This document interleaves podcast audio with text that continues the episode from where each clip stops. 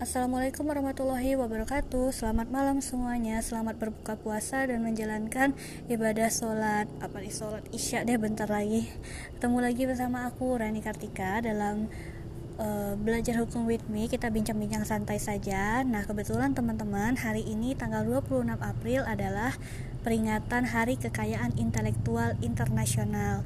Karena, uh, karena kalau tidak salah saya sejak tahun 2001 organisasi PBB Persatuan Bangsa-Bangsa melalui uh, World Intellectual Property Organization atau WIPO yaitu organisasi yang bergerak di bidang kekayaan intelektual secara internasional di bawah naungan PBB mencanangkan bahwa setiap tanggal 26 April diperingati sebagai Hari Kekayaan Intelektual.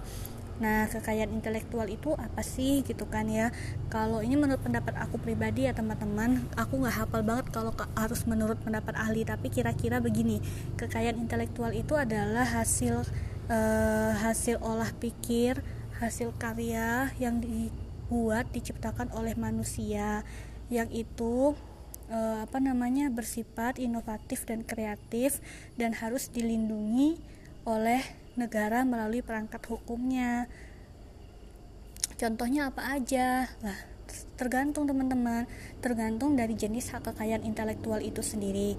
Kalau misalnya buku kalian seorang penulis gitu ya, atau penulis buku sastra, puisi, uh, atau pencipta kreasi seni tari gitu ya, itu bisa minta pencatatan ciptaan berkaitan dengan hak cipta karena itu adalah objek yang dilindungi oleh hak cipta. Terus uh, oh ya objek. Tapi kalau berkaitan dengan hak cipta sebenarnya tanpa kalian ajukan permohonan pun ke Direktorat Jenderal Kekayaan Intelektual Kemenkumham Nah, tanpa kalian urus itu sebenarnya hak hak ciptanya itu dari karya kalian udah melekat sebenarnya pada diri kalian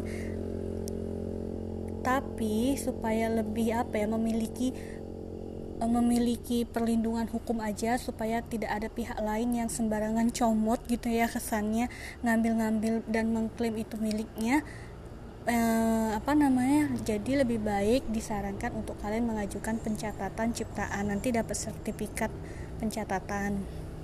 Terus selain hak cipta apa? Ya, merek Merek itu adalah bagian dari kekayaan intelektual nih teman-teman. Merek itu terdiri dari merek jasa maupun merek dagang.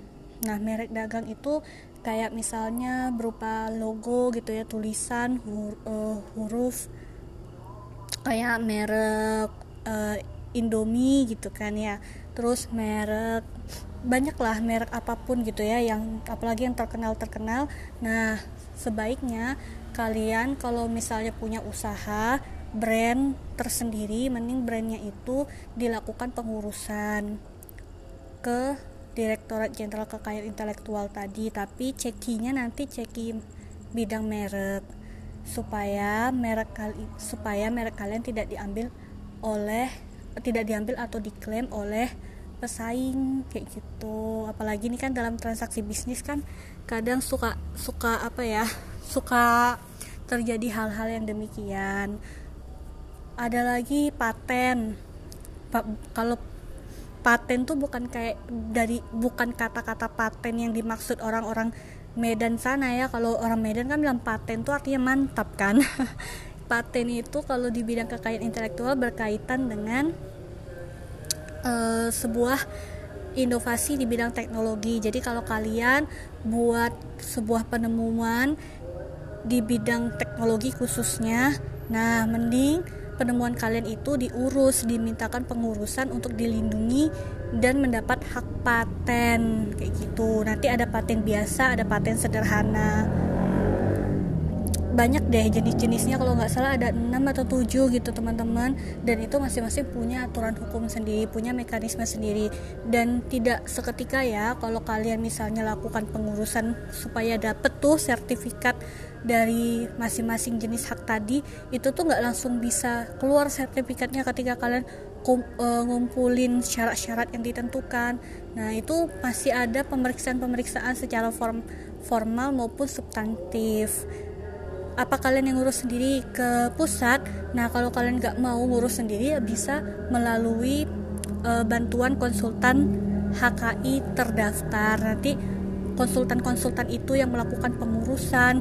Kalau misalnya persyaratan yang kalian ajukan ditolak dari pusat nanti kalau lewat konsultan mereka bisa untuk membantu menyelesaikan itu. Gitu ya teman-teman. Penting sekali nih eh, HKI ini. Kalau waktu saya pengalaman kuliah di Jogja pernah ikut dosen kerja apa magang di kantornya dosen saya. Kebetulan dosen saya dosen hukum kekayaan intelektual. Beliau dan beliau juga konsultan HKI nah saya ikutin gitu ya. Kalau di Yogyakarta sendiri um, masyarakatnya udah kesadaran hakinya tinggi banget budaya HKI-nya jadi kalau ada apa-apa langsung cepet-cepet uh, diurus secara hukum supaya dapat perlindungan hukum. Mereka bikin misalnya bikin apa ya bikin ini aja deh makanan dengan merek merek tertentu gitu ya mereka mereka punya. Mereka cepet-cepet urus gitu kan datang ke kantornya dosenku itu terus minta tolong diajukan ini mereknya supaya dapat perlindungan kayak gitu. Karena ada teman-teman kejadian di Yogyakarta kalau nggak salah mereknya itu uh, dia punya usaha gitu ya. Ternyata usahanya juga mereknya ada juga uh, sama pelaku usaha yang lainnya. Nah kalau kayak gitu kan nanti ketahuan ya pas pengajuan permohonan pendaftaran mereknya nanti bisa dilacak apakah mereknya ini sama dengan merek udah pernah ada atau belum pernah ada yang pakai. Itu serunya bagusnya gitu kalau misalnya kita sadar sadar untuk uh, sadar akan kekayaan hak kekayaan intelektual. Yuk semangat semuanya. Uh, jadilah orang yang inovatif dan kreatif serta sadar dan berbudaya HKI segini dulu ya teman-teman ya karena bentar lagi kayaknya mau azan isya nih. E, jangan lupa ibadahnya tetap dilaksanakan di rumah masing-masing. Yang muslim silahkan ya, tarawih tadarus dan semangat untuk berpuasa esok harinya. Terima kasih. Wassalamualaikum warahmatullahi wabarakatuh